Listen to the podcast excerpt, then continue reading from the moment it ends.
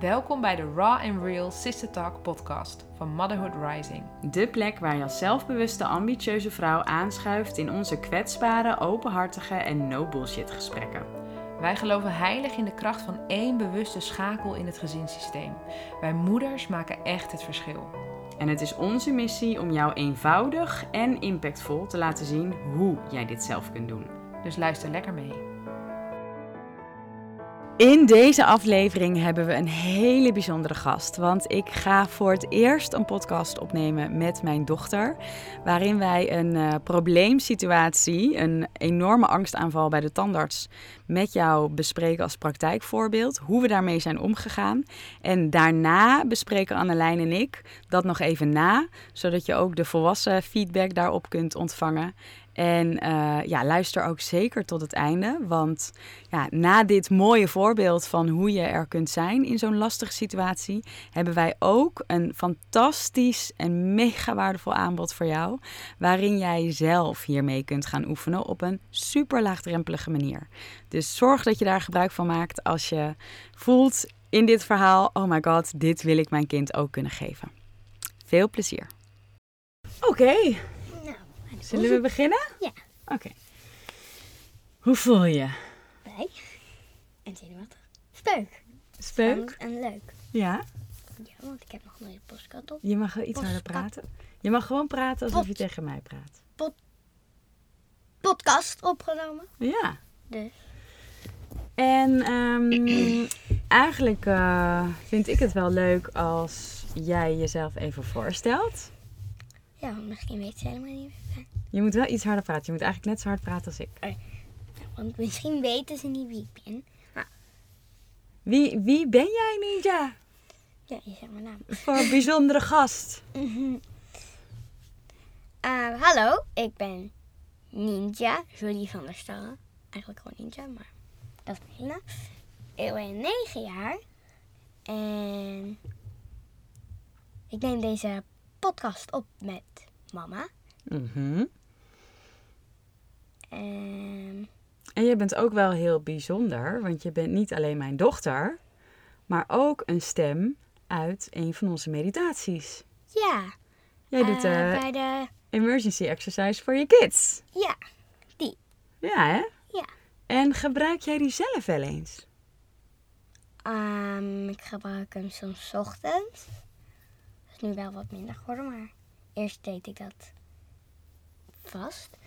En ik heb hem ook een keer gebruikt toen ik eh, voor school voelde ik me niet bepaald fijn. Dus ik ging op het schoolplein even de meditatie Emergency doen. exercise doen? En daarna voelde ik me wel beter.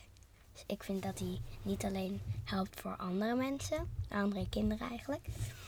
Ehm, maar ook voor mezelf, dus dat is wel handig. Ja, en wij ontdekten vorige week eigenlijk pas, hè?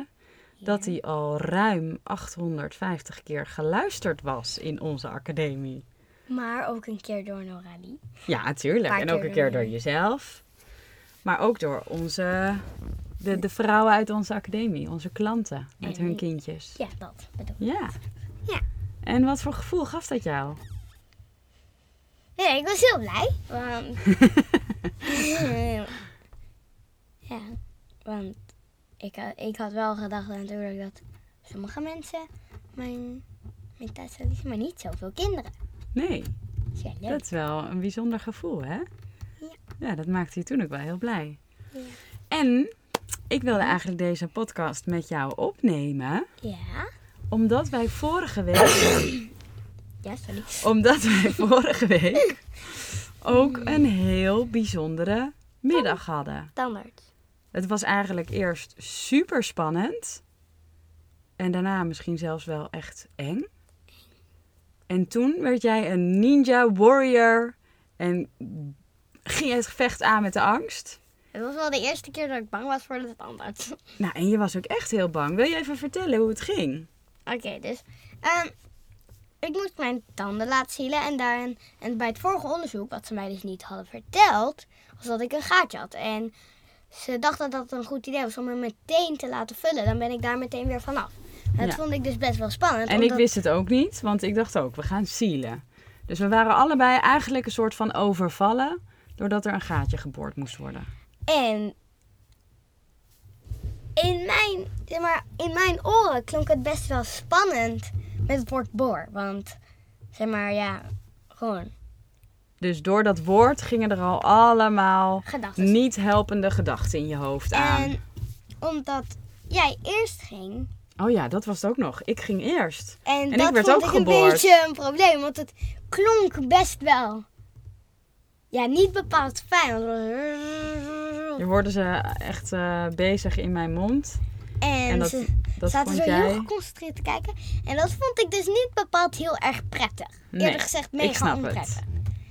En toen was ik aan de beurt. Ik had mijn tanden laten sieren. Maar toen moest ik dus dat gaatje vullen. Toen zei ze ineens, we gaan nu ook boren. En dat vond ik niet leuk. Dus toen je dat hoorde, Toen verstijfde ik van angst. Daarna werd ik niet meer verstijfd, maar toen deed ik het gewoon expres, omdat ik gewoon niet wou dat ze dat deed. Dus ik deed mijn handen voor mijn mond. En als ik mijn Ja. handen wegdeed, propte ik ze maar. hm, je hield je lippen stijf op elkaar. En als je daar nu aan terugdenkt, hè, wat gebeurde er dan in je hoofd? Ja, daar kwamen ze maar eh, een soort niet gewoon een grote golf van bange gedachten, maar meer echt een soort tsunami. Want Hmm, mooi da- dat, was ook waarom ik eh, me helemaal zo versteek. Ja, je verstijfde echt. Maar je werd ook warm, je ging zweten, je ogen stonden helemaal paniekerig. Ja, dat kwam omdat was- ik echt erg bang was Ja, je was echt als een bang konijntje. voor de vos. Ja, ja. Ja. En toen, Nou, hoe ging het verder? nou ze lieten, wat ik vooral fijn vond, waardoor ik al iets meer zelfvertrouwen kreeg, was... nou, ze lieten ze maar eerst zien. Ze gingen weer met tandenpoetsen, borsteltje poetsen. Dat ken ik al nu. Dit keer was het iets harder. Maar eh, toen lieten ze ook het bord zien.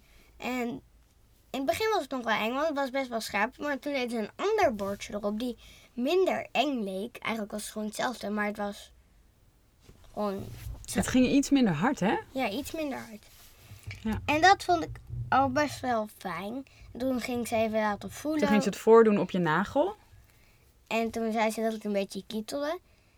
En in het begin vond ik het nog heel spannend. Maar toen, toen, toen kwam daar een Hugo, zoals we dat altijd zeggen. Ja, want wij zeggen de Hugo's zijn de helpende gedachten. En de Bobs zijn de boze gedachten. Ja, En boze, komt- bange. En ik weet waarom dat komt. H van helpende en de B van boze. Ja, of bange. Of bang. Ja, ja. Of bedroefde.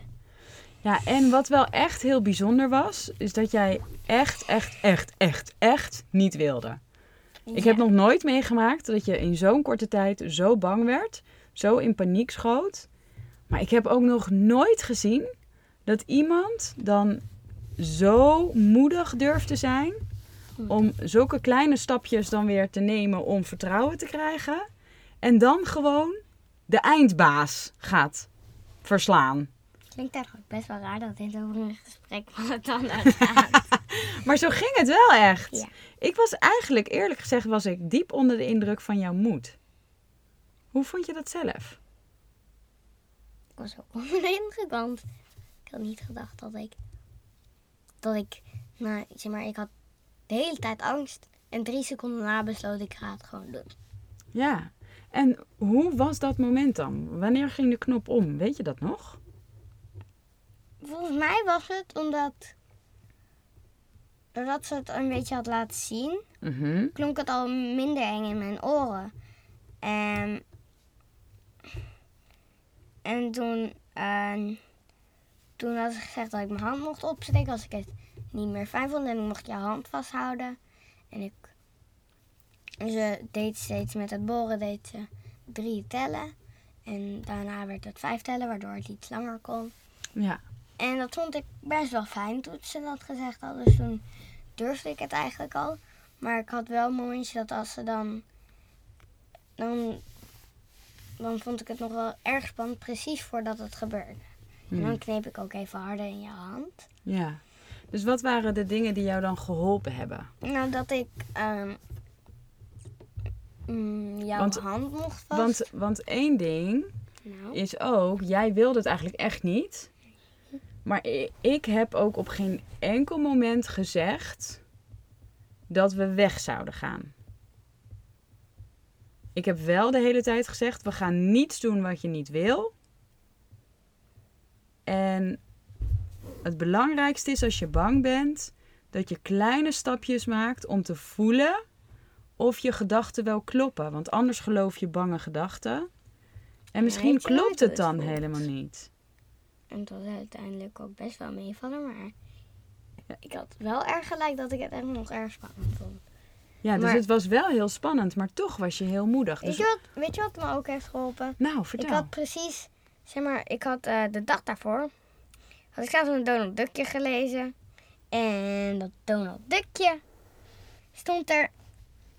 En toen, eh, toen moesten de jonge woudlopers, een scoutingclub, die moesten een moeilijk beeld moesten maken uit hout. En toen zei ze, maar dat hebben we nog nooit gedaan. Wat nou als het mislukt? En toen zei de hopman, zo, zo wordt die baas genoemd, Ja. eens moet de eerste keer zijn. Dus dat spreekwoord nam ik toen in mijn hoofd. Wat goed. En daardoor werd ik een beetje gekalmeerd. Dus dat was een hele duidelijke Hugo. Dat was een helpende gedachte die ging zoeken naar waar waren er ook van dit soort situaties. Waarin ze het ook gingen proberen. Zodat ik ook een beetje moed kan vinden om dat te doen. Dus die kwam helemaal uit jouzelf. Uit de dood eigenlijk. Maar Ja, oké, maar die had je zelf opgeslagen. Want daar heb ik er niks over gezegd. eh, Daar heeft het anders niks over gezegd. Die heb je tegen jezelf gezegd. Dus dat is ook nog eens heel knap. Mhm. Dat wist ik nog niet eens. En hoe denk jij dat je nu een volgende keer naar de tandarts gaan zal vinden? Ja, een stuk gemakkelijker. Ja. Want ik vond het in het begin al makkelijk toen ze die check deden. Ik vond het, ik, had- ik vond het wel niet zo fijn dat ze niet meteen zeiden... Je hebt een gaatje, dat gaan we de Nee, ben volgende ik het keer helemaal mee opvullen." eens. Ja. Want dan, dan had ik me al voor kunnen bereiden, waardoor ik dan minder bang zou zijn. ja, en dan had ik je ook voor kunnen bereiden. Maar nu... Dus Wat? dat was niet zo handig. Nee, maar... Nee. Dus een volgende keer zou ik beter vragen: wat gaat er gebeuren en wat is er nodig? En als ze dan zeggen: Nou, Nientje heeft een gaatje, dan weet ik dat ook. En dan ben ik daar ook beter op voorbereid. En, en eh, wat de meeste kinderen, wat ze wel erg vonden, zij vonden me ook dapper. Dus ik mocht een, zo'n stuiterbal altijd nemen. Ja, dus En- dat was ook wel En fijn. wat wel heel erg fijn is van een tandarts, wanneer ze het doen, dan praat ze niet over bijvoorbeeld, je hebt echt slecht gepoetst, je moet liggen stil. Eh, bijvoorbeeld. eh, Ze zijn wel geduldig. Ze, en- ze doen het echt geduldig. ja. En ze zeggen altijd dat, het, dat je het heel dapper doet. En ik vond vooral waardoor ik nog meer moed kreeg is toen ze zeiden... We hebben nog nooit iemand zo dapper zien doen. Jij bent eh, volgens mij de beste klant van Ja, dat de zei ze. week. ja. Dat vond ik heel fijn. ja. Want toen voelde ik me wel echt dapper inderdaad ook. Ja, dus ook dat soort complimentjes geven, dat helpt ook heel erg om de moed te vinden. Ja. En het dan toch te durven doorzetten. Ja. Is er nog iets wat je er zelf over wil zeggen? Of denk je dat het wel. eh, Ik weet niet. Nou, wat ik dan wel even leuk vind om nog te zeggen. Oh? Jij hebt net ook een spreekbeurt gedaan op school. Over de meditatie. Ja. En hoe was dat? Ja, ik vond het heel leuk, want ja, maar ik heb zelf wel meditatie gemaakt. Ik kwam ook in mijn spreekbeurt voor. En ik vond het vooral leuk omdat ik, zeg maar, ik wist dat ik best veel van meditatie was. Maar doordat ik er ook echt een spreekbeurt over deed, kreeg ik zelfs, vond ik het zelfs nog leuk om eh, bijvoorbeeld de vragen te, antwo- beant- de vragen te beantwoorden. Ja. Je bent eruit. Ik ben eruit. Ehm, of bijvoorbeeld. ehm, Maar ik weet ook dat je zei. Oeh, mam, ik vind het wel een moeilijk onderwerp. ja, dat was heel grappig. Toen ik dat zei. Van, ik zei het echt. Mensen zeiden van. Oei, man. Ik vind het echt heel moeilijk. Ja, je had, het, je had het wel, wel, gedacht dat het, dat het makkelijker zou zijn. Omdat je er ook voor je gevoel al best wel veel van wist. Dus je hebt ook wel weer heel veel Dat nieuwe dingen geleerd. Maar wat ik wel leuk vond. ehm, bij zo'n spreekbeurt kun je natuurlijk. eh, van een dialoog. Dan kun je natuurlijk doen dat je gewoon. Dan swipe je en dan ben je er. Maar je kunt ook zo'n leuk ding kiezen. Dus bijvoorbeeld dan koos ik voor een vliegtuigje. Dan Ja, in met de overgangen van de, van de presentatie die je had Ja, gemaakt. als ik dan ja, je was heel creatief. aan had gedaan. En eh, bij het Neon Light bij de quizvragen, daar stond een hartje middenin. Maar ik had uitgevonden dat je kon tekenen bij de spreekbeurt. En dat had ik zo'n Ja, je was super creatief geweest ook. Je hebt er echt ook wel heel veel tijd Maar en liefde in gestopt. elke keer aan het einde, dan voelde het als een soort beloning voordat ik al wezen had. Ja, dan had je even alle informatie verzameld en erin gezet. En dan ging je daarna nog een beetje met al die effectjes. Misschien moeten we even teruggaan naar het tandartsding. Want nu loopt het uit naar het spreekbeurt. Nee, dat vond ik- leuk om te delen. We kunnen hier nog een uur over kletsen. Vind maar, je het eh, mooi geweest? Nee, maar we kunnen er wel eh, nog heel lang over kletsen. We moeten Ja. zorgen dat het niet al te lang wordt. Oh ja, heel Tuurlijk. goed, heel goed. Goed op de tijd gelet. Tijd eh, in de gaten Anders zit ik gehouden. hier tot eh 12 uur s'nachts nog. eh Ja, dat zou te zomaar praten. kunnen. Dat zou zomaar Zou er kunnen. gebeuren. Zou- vond je het leuk om de podcast op te nemen? Ja, zeker. Zou ik wel nog een keer willen doen. Ja, zou je dat wel vaker willen? Ja. Dus als er dan eh, dingen zijn die moeilijk zijn en wij zouden daar even een soort eh, mini-gesprekje over hebben met Ja. z'n tweeën, dat zou jij wel leuk vinden? Even nu 15 Wacht even, wacht even. Wacht. Het is 15 minuten. Oh, hij is ook gestopt. Oh, nou, daar is hij gestopt. Buiten Okido. Nou, dat was hem. Ik denk dat we wel. Dankjewel. Dag liefje. Wat, ik vond dit heel leuk om met jou te doen. Ik ook. Oh, wat was dat een heerlijk gesprek tussen jou en Ninja. Echt hè? Het was echt zo leuk om naar te luisteren. Oh, het was ook zo leuk om te doen. Om te zien hoe zij dan nou, daarmee omgaat. Hoe enthousiast ze ervan wordt. Hoe spannend ze het eerst even vindt. Ja. Maar ook, ook gewoon zo leuk. Ik zie dan ook toch echt wel een mini-Marloesje. ja, dat zal wel. Ja. Ja, hey, en wij hadden het er natuurlijk al eventjes over. Zou jij willen aanvullen de stukjes in het verhaal die wel belangrijk zijn voor, de, eh, voor onze luisteraars om het beeld echt goed te krijgen, maar die nu eigenlijk niet verteld zijn? Hoe, hoe ging het aan het begin? Ja, ja, nou wat er dus gebeurde ehm, in aanvulling op wat je net gehoord hebt, wat, wat, wat Nien verteld heeft, is dat ehm, in eerste instantie toen zij in de paniek schoot, toen wilde de tandarts haar eigenlijk iets te veel gaan pushen. Ja, want je zou Eh. nu eigenlijk kunnen denken naar het verhaal wat je hebt gehoord van, oh, dat is echt een, super fijne tandarts die echt alle juiste dingen doet en dat heeft mijn tandarts niet, bijvoorbeeld, als ik met mijn kind daarheen ga. Ja, dan zou je Laat kunnen mind- geloven dat lukt niet, want bij, mijn tandarts gaat het anders. Ja. Eh, ik heb de tandarts wel echt eh, begeleid door niet zozeer één op één met de tandarts te bespreken of door eh, de tandarts één op één ehm, te begrenzen erin, maar door heel duidelijk mijn focus te hebben op Ninja en eh, te gaan herhalen wat wij gaan doen. En dat herhalen is vooral heel belangrijk als iemand angstig is. Eh, ik moet zeggen, ik doe het eigenlijk bij alle emoties. Dat ik gewoon blijf herhalen. Want als iemand in de paniek is, dan hoor je gewoon heel weinig. Ja. En ehm, als je het steeds blijft herhalen, op een gegeven moment komt het binnen. Omdat die herhaling dan eigenlijk weer veiligheid Ja. biedt van dit gaat er gebeuren. Ja. Dus ik bleef tegen Ninja zeggen, ehm, ik zie dat je het spannend vindt. En je mag het spannend vinden. Maar we gaan dit proberen. Dus ik bleef dat eigenlijk herhalen. En Ja. eh, toen de tandarts dus eigenlijk een beetje begon te sturen van dit is wat we gaan doen, eh, ben ik daar dus eigenlijk een soort van tussen gaan staan door, door eigenlijk te zeggen tegen Ninja, Ninja kijk me aan, ik ben hier en ik, ik, laat je, ik laat je geen dingen doen die jij niet wilt. Dus daarmee boycott ik eigenlijk eventjes wat de tandarts probeerde te doen. Mhm. En zei ik, we gaan niks doen wat jij niet wilt. En je mag het spannend vinden. Maar het allerbelangrijkste als jij iets spannend vindt, is dat we gaan kijken of die gedachten, die bobs, zeg ik dan tegen haar, of die kloppen.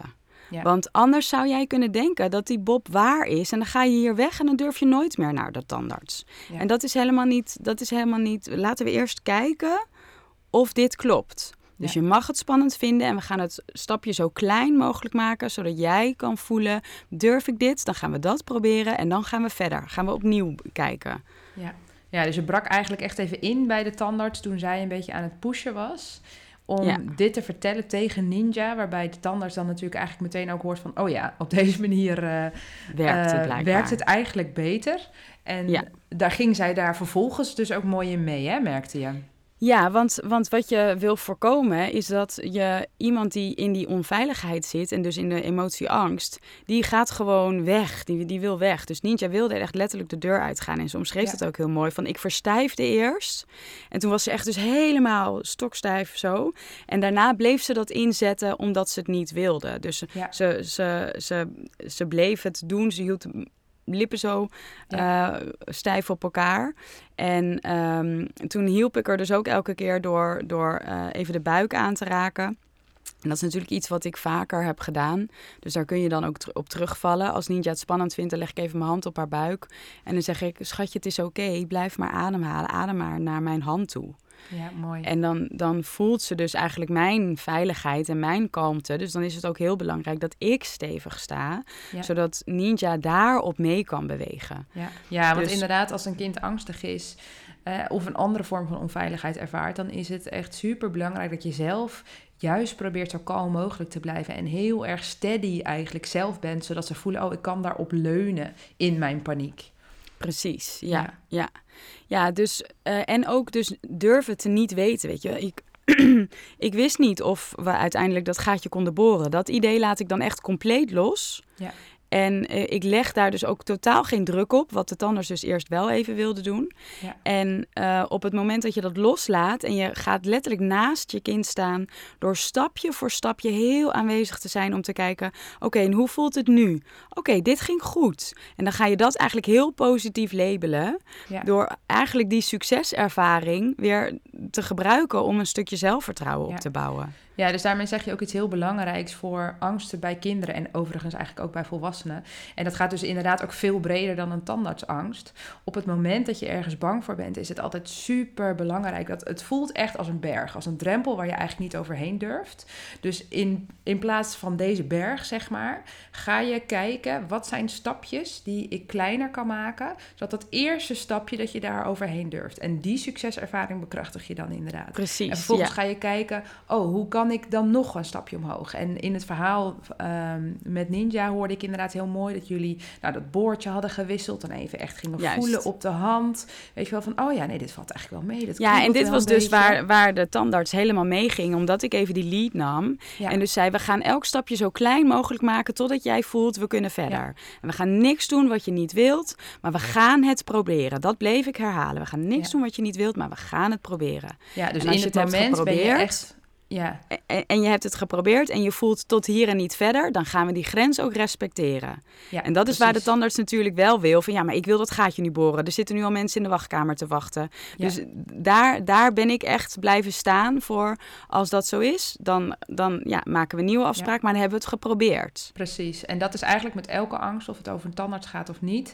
Je kijkt inderdaad, je wil nooit over die grens heen pushen. Nee. Want dan voelt iemand zich volledig overroeld. Dan gaat de angst groter worden. Dat is altijd wat angst doet. Als je het gevoel hebt dat de controle van jou afgepakt is en over jouw grenzen heen is gegaan, dan is iemand eh, of je kind is de volgende keer banger. Dus je wil inderdaad samen echt het onderzoek aangaan van hoe kan ik dat stapje zo klein maken dat ze het nu wel durft. Ja, en je hoorde heel mooi ook in hoe Ninja het omschreef. Hè? Ze ging uiteindelijk dus ook zelf zoeken naar.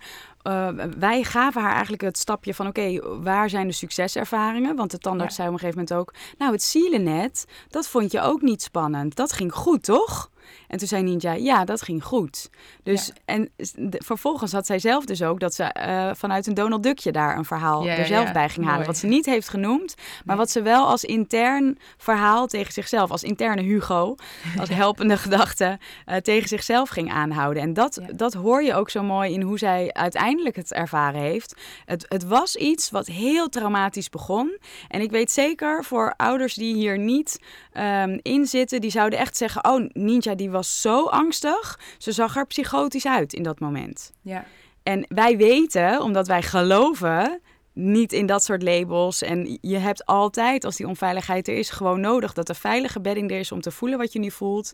En dus weer langzaam die stapjes naar veiligheid kan maken, zo klein als dan nodig is. ja. En doordat we dat deden, hoorde je Ninja nu met heel veel zelfvertrouwen praten. Ja, Ja. hoe, zie, hoe zie je nu een volgende keer de tandarts? Oh, ik zou helemaal niet meer bang zijn, zei ze zelf ja, in de podcast. Ja, precies. Ja. Dus dan zie je, je hebt eenzelfde situatie, maar als je daar die ingrediënten aan toevoegt van een, een mega gegronde aanwezigheid aanwezige moeder, die dus kalm durft te leiden, eigenlijk haar agenda los kan laten Ja. en naast haar kind kan staan om aan te moedigen en aan te sluiten, die grens te respecteren als die ook daadwerkelijk in zicht komt, Ja. dan, dan, dan lost het zich eigenlijk vanzelf op. Dan kun, de Ja. kinderen zijn zo flexibel. Ja, zeker. En wat jullie natuurlijk ook doen, en dat is ook relevant, is dat jullie praten regelmatig over die Bobs en die Hugo's. Kijk, die Bobs, Ja. inderdaad, voor als volwassene zeg je inderdaad gewoon de, de helpende gedachten.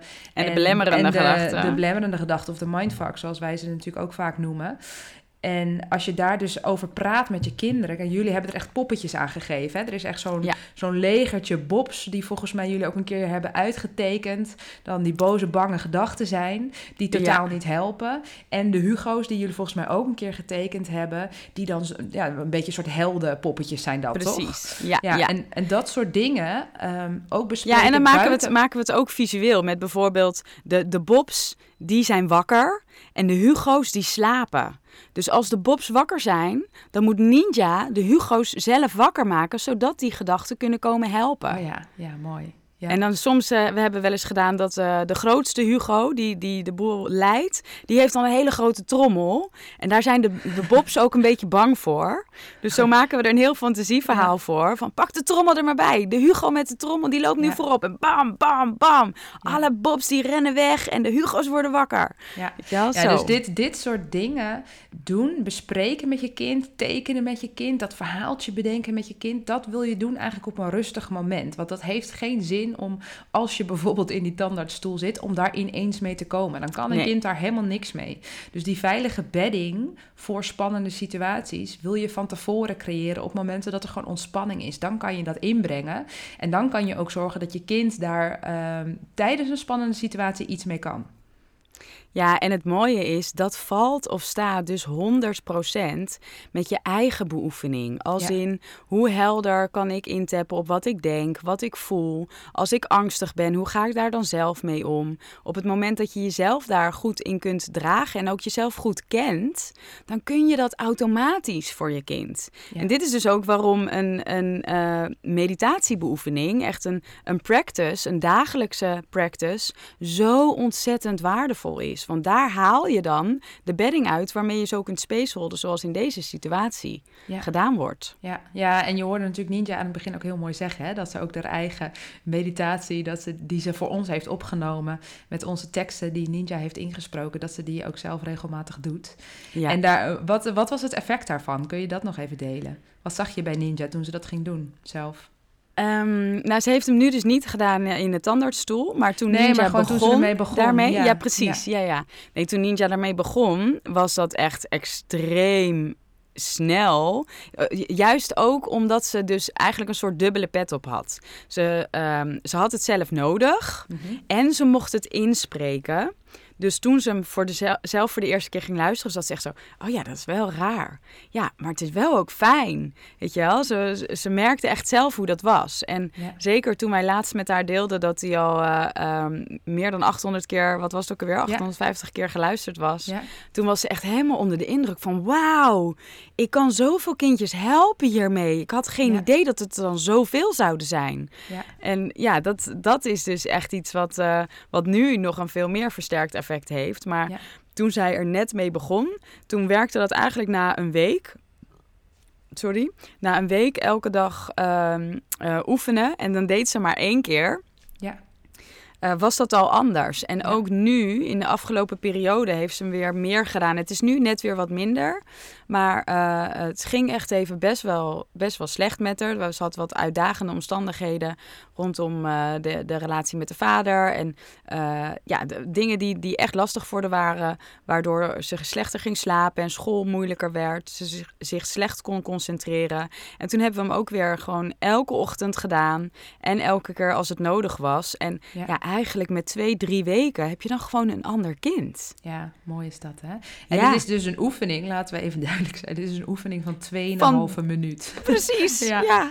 Ja, ja, Ja, het is echt, ja, het is heel echt mooi. bizar dat 180 seconden dat kunnen doen. Ja, ja. Echt insane. Ja, en mijn dochter Noralie, die is ondertussen inmiddels bijna drie is, die gebruikt hem ook eigenlijk sinds Ninja hem heeft opgenomen. Dat is denk ik een half jaar geleden.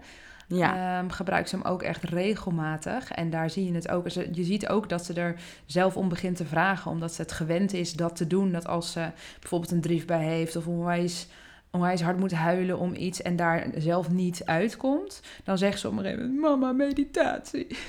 En Ja. dan, dan gaan we hem doen. En dat is ook zo ondersteunend voor haar. En Ja, en daar, daarin is het ook zo mooi als ze jou dat al ziet doen Ja. en je reikt het haar aan als uitnodiging op momenten eh, dat, het, dat het eerst oké is om te oefenen en later op moeilijke momenten, dan Ja. wordt dat ook iets wat heel vanzelfsprekend wordt. Precies, ja. En we kregen dit ook ontzettend veel terug van alle moeders die we begeleiden. Dat die kindermeditatie echt zoveel gebruikt wordt. En ook dus met de vraag of we niet meer ki- kindermeditaties konden opnemen. En papa papam, dat hebben Ja. wij inmiddels gedaan. En Ja. als je deze podcast nu luistert, dan staan die nu al live op onze website. We hebben namelijk een moeder- en kind meditatiebundel gemaakt. Daarin zitten vier meditaties voor de moeder en drie meditaties voor eh, de kinderen. Dus onder andere inderdaad de emergency exercise voor kinderen waar we het net over hadden, die Ninja heeft ingesproken. En eh, een ochtendmeditatie voor kinderen van zes minuutjes. En voor wat meer uitdagende situaties, een net iets langere meditatie ook voor kinderen. Ehm, die ze voor die uitdagende situaties kunnen gebruiken. Of bijvoorbeeld s'avonds als ze gaan slapen. Ja, Dus, want die eh, is ook echt heel fijn om ja. eh, elke avond op te zetten. Ninja die is Ja. echt wel een gevoelige slaper. En eh, als je dan elke avond die aanzet, Ja. ja, dat heeft ook zulke grootse effecten. Ja, zeker. Ja, die, die komt ook, eh, de, de oefeningen die we daarin doen, in die specifieke meditatie, die komt ook uit mijn hypnotherapiepraktijk. Waarin ik nou, toen iets van 100 kinderen begeleid heb, die hem dan elke avond s'avonds gingen doen. En je zag gewoon het effect van kinderen die bij mij kwamen, dat ze overal al geweest waren. eh, vaak ook met medische spanningsklachten, dus bijvoorbeeld onwijs veel buikpijn, misselijkheid, niet kunnen slapen, et cetera. En dat die overal al geweest waren van einde raad eigenlijk dan dus bij zo'n hypnosepraktijk komen. Dan die oefeningen gaan doen en met een paar weken is dat weg. En dat is zo Ja. mooi. Het, we zijn zoveel meer connected met ons lichaam. Die body-mind relatie is, is, staat eigenlijk zo voorop. En we doen er zo weinig mee. Dus het is onwijs mooi wat die kindermeditaties daarin je kind dus ook kunnen aanreiken.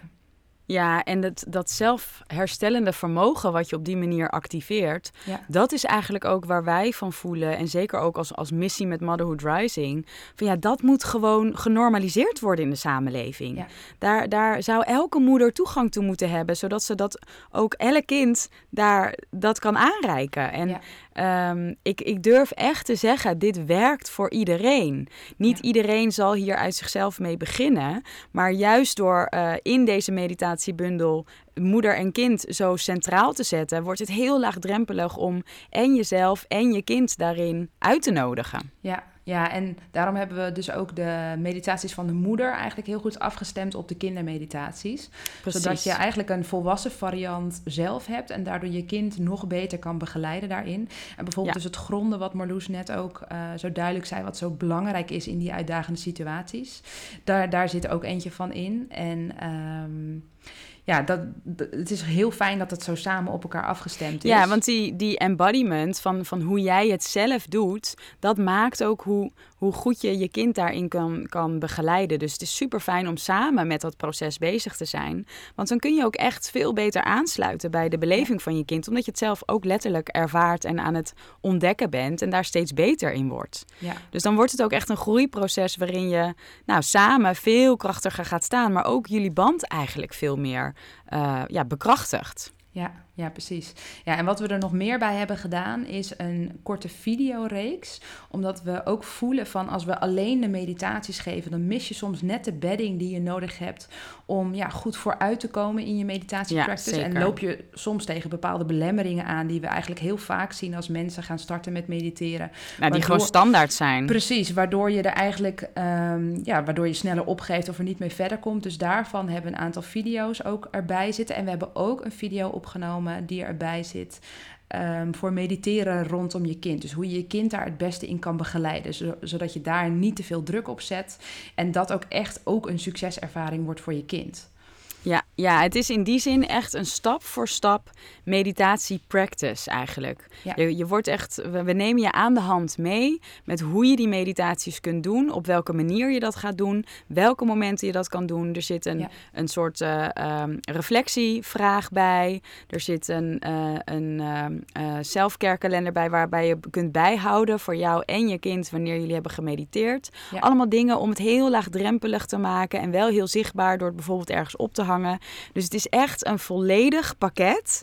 En als je dit ehm, eh, volgt, dan weet ik zeker dat na twee, drie weken, als jij dit met je kind doet, jullie compleet anders met heftige emoties omgaan.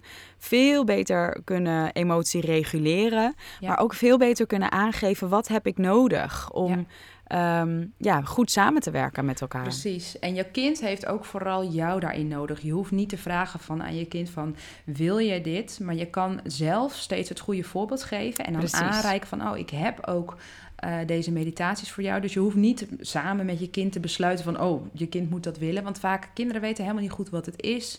Die weten ook helemaal niet goed wat het effect daarvan zou kunnen zijn. Dus ze hebben eigenlijk jou als voorbeeld vooral nodig. Ja, in, en dan in kan die je zin. aanreiken dat het er is. Precies. In die zin is het, is het hetzelfde als met, eh, met de tandarts, zeg maar. De tandarts wilde het eerst op een, op een bepaalde manier doen, maar ik leidde door heel duidelijk voor te gaan. Ik heb niks, niks met haar overlegd en dan volgt zij als vanzelf. En zo is Ja. het met je kinderen ook. Ja. Je vraagt ze niet om toestemming, je gaat het doen. En Ja. doordat ze het jou zien doen, gaan ze volgen. Ja, precies. Ja, en het is echt een vaardigheid, kan ik je zeggen. Het is Een life skill. fijn als je dit dat we kunt. dit niet op school krijgen, of dat je dit überhaupt niet in een psychologieopleiding krijgt. Het is echt bizar. Ja, dat is het inderdaad. Ja. Ja. ja, dus als je wil weten waar je deze kunt aanschaffen via de website eh Motherhood Rising, motherhood-rising.com kun je dit aanschaffen. Ik zal hem ook via het linkje in de beschrijving van deze podcast, eh, zal ik de link er naartoe zetten. En weet ook dat we daarbij nu nog een speciale aanbieding hebben, want omdat we het nu voor het eerst lanceren, vinden we het super belangrijk om je feedback te horen, je eventuele vragen, zodat we het daar nog op kunnen fine-tunen. En natuurlijk vinden wij het ook heel belangrijk om ervaringen te kunnen delen van moeders en hun kinderen, ehm, hoe ze het ervaren. Dus daarom hebben wij voor nu een testerskorting. Die is tot en met volgende week geldig. Dus als je voelt van, oh, hier wil ik wat mee, dan is het nu een handig moment om in te stappen. Want normaal gesproken is deze bundel 97 euro.